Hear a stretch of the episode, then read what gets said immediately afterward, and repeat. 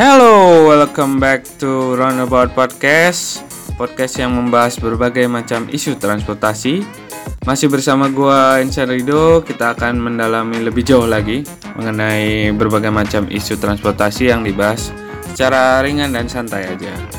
Uh, sebelumnya gue pengen terima kasih dulu buat orang-orang yang sudah mendengarkan podcast gue Mungkin dari episode 1, 2, dan 3 Thank you banget sudah mendengarkan Dan bagi teman-teman yang baru bergabung di episode kali ini uh, Thank you juga sudah mau meluangkan waktu Dan gue harap bisa belajar banyak lah dari podcast ini So, untuk episode kali ini kita akan ngebahas salah satu aturan yang tengah berlaku di Jakarta Yap, soal aturan ganjil genap. Gue sempat ngebahas hal ini di YouTube channelnya Asumsi bersama Pangeran Siaan. Tapi uh, gue rasa masih ada beberapa hal yang pengen gue bahas. Dan terutama aturan ganjil genap yang kini diperpanjang ya setidaknya sampai ASEAN Para Games 2018 dan gue pengen menilik juga evaluasinya selama ini uh, aturan ganjil genap tuh cukup efektif nggak sih gitu? Dan ada beberapa dampak positif dan juga negatifnya yang bakal gua bahas lebih jauh. Jadi kita akan bahas lebih jauh di segmen selanjutnya gua harap lo bisa mendapatkan hal positif juga. Jadi stay tune ya.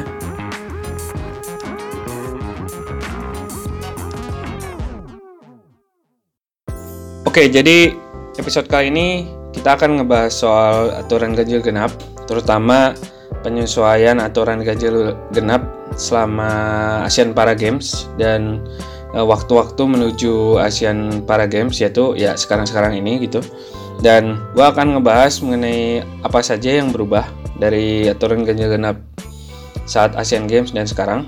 Dan juga performa ganjil genap selama mungkin Asian Games kemarin ya adakah dampak positif atau negatif? Dan juga respon masyarakat sebenarnya mengenai aturan ganjil genap ini sendiri gitu yang bakal gue coba selami di situ gitu oke jadi pertama kita bakal coba bahas sebenarnya apa aja sih yang berubah dari aturan ganjil genap ini Uh, yang pertama mungkin yang paling kerasa adalah hari diberlakukannya aturan ganjil genap gitu. Sekarang hari Sabtu dan Minggu tidak diberlakukan lagi aturan ganjil genap gitu. Jadi Hmm, orang-orang mungkin sudah bisa menggunakan kendaraan pribadinya secara bebas saat uh, Sabtu dan Minggu dan gua rasa responnya bakal positif bagi sebagian besar pemilik kendaraan pribadi yang biasa menggunakan uh, mobil-mobil ini uh, saat weekend untuk misalnya pergi ke mall atau bertamasya sama keluarga di kota Jakarta gitu dan gua rasa ini bakal menjadi uh, apa ya respon positif lah buat mereka. Cuma di sisi lain ya kita tahu sendiri bahwa uh, traffic di saat Sabtu Minggu juga nggak rendah-rendah amat. Artinya ya bisa jadi terjadi kepadatan juga yang menyebabkan banyak kemacetan gitu di berbagai lokasi sehingga ya mungkin harus diwaspadai juga dan harus ditinjau ulang sih apakah hari Sabtu Minggu ini memang wajar untuk ditiadakan untuk memfasilitasi um, orang-orang yang pengen keluar rumah dengan mobil pribadinya atau uh, tidak sepadan gitu dengan banyaknya dampak negatif gitu dari dari kendaraan pribadi yang keluar saat weekend ini gitu. Itu perlu di uh, evaluasi sih nanti ke depannya gitu. Terus yang kedua adalah wilayah yang sekarang uh, lebih sedikit sih gitu.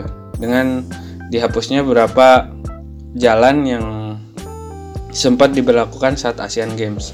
Salah satunya adalah Jalan Metro Pondok Indah yang menurut gue cukup kontroversial sih untuk ditutup gitu. Ah, maksudnya bukan ditutup sih, maksudnya eh, diberlakukan aturan ganjil genap selama Asian Games. Karena menurut gue pribadi karakter dari Jalan Metro Pondok Indah ini memang sudah eh, cukup luas karena menjadi jalan arteri arteri yang ada di Jakarta dan gua rasa nggak terlalu banyak juga titik-titik kemacetan gitu dan mungkin sebagian besar orang juga bakal support karena banyak netizen yang emang kurang sepakat dengan hal ini dan alasan jalan Metro Pondok Indah ditutup itu memang semata-mata gua rasa hanya karena ada uh, venue golf di sana gitu. Jadi gua rasa ini bisa jadi langkah yang positif. Tapi ya harus dievaluasi lagi apakah memang jalan-jalan ini tuh memang uh, harus dikurangi, artinya beberapa jalan memang tidak layak atau mungkin ada jalan-jalan yang memang harus ditambah gitu. Selain jalan-jalan yang udah berlaku, misalnya jalan Kapten Tendian yang kita tahu luar biasa macetnya gitu. Apakah perlu diberlakukan atau nggak perlu gitu. Nah ini emang harus banyak sih yang harus dihitung dari parameter-parameter yang ada ya mungkin dari uh, traffic flow-nya terus juga beberapa parameter lain yang bisa menjadi patokan gitu untuk adanya uh, implementasi di jalan-jalan uh, yang memang cukup padat ini gitu dan beralih ke soal performanya sih performanya aturan ganjil genap ini setidaknya selama Asian Games yang gue dapat datanya dari Pemprov DKI dan juga Badan Pengelola Transportasi Jabodetabek adalah ya banyak sekali eh, dampak positif gitu. Salah satunya adalah kenaikan penumpang Transjakarta yang sering banget digaungkan oleh Pemprov DKI, terutama oleh Gubernur Bapak Anies Baswedan ya memang sempat dari speech beliau memang menekankan bahwa adanya kenaikan uh, penumpang Transjakarta hingga 40%. Buat gua sih ini uh, berita yang menggembirakan artinya ya gua cukup seneng lah artinya banyak orang yang mungkin beralih dari kendaraan pribadi ke Transjakarta sebagai moda transportasi gitu. Dan yang harus diingat adalah uh, memang uh, tren ini tuh emang hanya sementara artinya karena orang-orang mungkin banyak yang ke venue Asian Game Asian Games dengan menggunakan Transjakarta mungkin lebih enak dengan mereka nggak usah parkir segala macam atau memang ada hal lain gitu yang menjadi faktor eksternal gitu. Ya misalnya memang armadanya ditambah atau segala macam sehingga meningkatkan penumpang Transjakarta itu sendiri gitu. Jadi itu yang perlu digarisbawahi dan hmm, kita harus lihat lagi sih secara langsung memang impactnya itu secara langsung mem atau memang ada faktor eksternal yang tadi gue bilang gitu. Dan selain soal Transjakarta memang dari segi waktu tempuh dan kecepatan kendaraan pun sudah lebih baik. Waktu tempuhnya juga berkurang di beberapa koridor jalan dan juga gue lihat kecepatan kendaraan pun naik mungkin sampai sekitar 30% gitu. Artinya apa? Ya orang-orang sudah bisa leluasa lah menggunakan jalan dengan waktu tempuh yang lebih eh, sedikit juga sehingga ini membantu lah. Secara makro mungkin perekonomian akan lebih baik cuma lagi-lagi gue nggak mau terlalu apa ya terlalu optimis. Artinya ini bakal berjalan secara eh, panjang atau enggak gitu. Dan secara umum sih yang bisa gue apa ya gue tangkap dari masyarakat bagaimana respon mereka soal Asia eh, soal aturan ganjil genap ini selama Asian Games.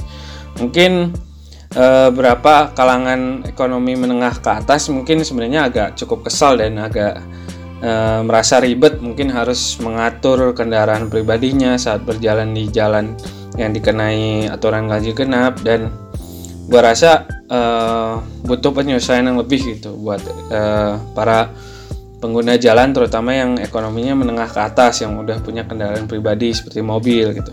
Dan ini e, menjadi tantangan buat memang e, apa ya penyesuaian ini cukup butuh waktu dan butuh effort gitu. Dan ini yang harus diwaspadai juga sama pemerintah gitu apakah menengah orang-orang menengah ke atas ini cukup e, bisa untuk beradaptasi nantinya gitu tapi yang menjadi imbas positif sih e, memang para kalangan menengah ke bawah itu cukup hmm, cukup baik lah responnya gitu terhadap aturan ganjil genap. Karena mereka menjadi e, bisa mungkin memanfaatkan Transjakarta dengan lebih baik karena trafiknya semakin lowong gitu ya.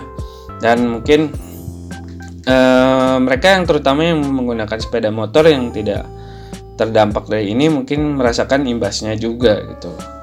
Dan gua rasa itu berapa sih yang gua uh, tangkep ya dari netizen dan mungkin di segmen selanjutnya gua pengen menggarisbawahi sih beberapa kekhawatiran dan ancaman yang mungkin terjadi. Seandainya ASEAN eh, sorry aturan ganjil genap ini bisa dilanjutkan sampai seterusnya bahkan permanen gitu. Dan gue berharap banget pemerintah ngasih uh, evaluasi yang baik lah sehingga ke depannya bisa um, mengurangi dampak-dampak negatif dari aturan ganjil genap ini. Jadi kita akan bahas itu di segmen selanjutnya. Jadi stay tune.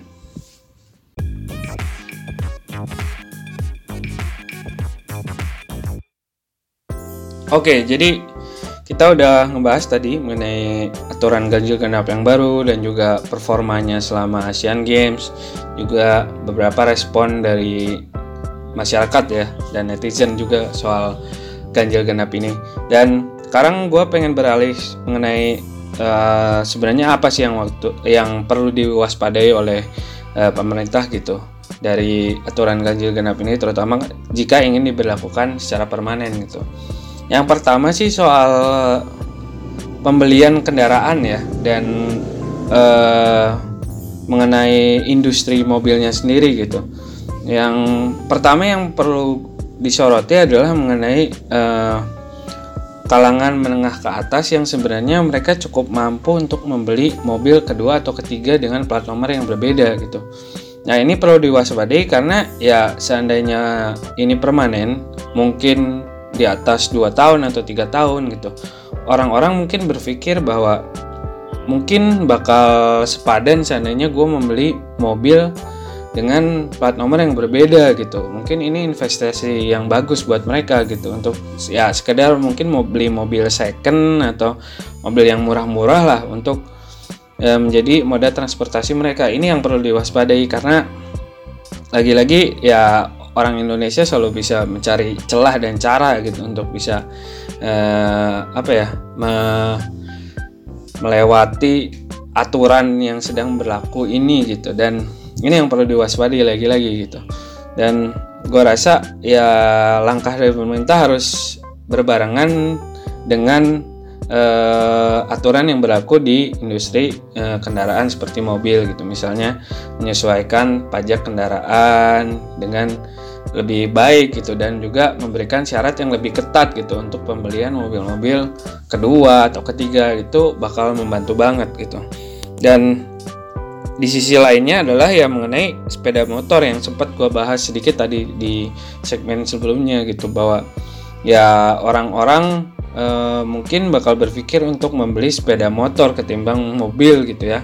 Dan bukan nggak mungkin sih orang-orang menengah ke atas juga yang memang belum cukup uang untuk membeli mobil akan membeli sepeda motor yang notabene tidak berlaku e, di aturan ganjil genap sehingga orang akan memilih untuk menggunakan sepeda motor untuk ke tempat kerja dan lainnya gitu. Jadi lagi-lagi ya ini halnya perlu diwaspadai juga sih seperti seperti pada industri mo mobil gitu. Dan ya kita tahu sendiri bahwa sepeda motor di Indonesia itu uh, banyak banget gitu. Bahkan 60% dari seluruh moda transportasi di Indonesia yang digunakan untuk uh, sehari-hari itu uh, didominasi oleh motor hingga 60% jadi ini menjadi catatan penting. Dan gue rasa ini perlu menjadi evaluasi juga buat pemerintah. Dan uh, secara umum dan gue ambil kesimpulan sih bahwa aturan ganjil genap ini ngasih efek positif di banyak hal uh, yang belum gue sebut mungkin di dari segi lingkungan ya. Memang polusi pasti berkurang. Dan juga ada ancaman dan khawatiran yang harus diwaspadai oleh pemerintah dan harus diantisipasi dari sekarang gitu. Seandainya aturan ganjil genap ini bisa diberlakukan secara permanen. Jadi mungkin segitu dari dari gue dan gue harap kita bisa belajar bareng-bareng soal transportasi terutama aturan ganjil genap. Dan kita bakal ketemu lagi di episode selanjutnya yang ngebahas berbagai macam hal lainnya yang lebih seru juga dan lebih menarik. Dan thank you uh, yang sudah mendengarkan di episode kali ini. Kita akan jumpa lagi di episode selanjutnya. So thank you and have a nice day.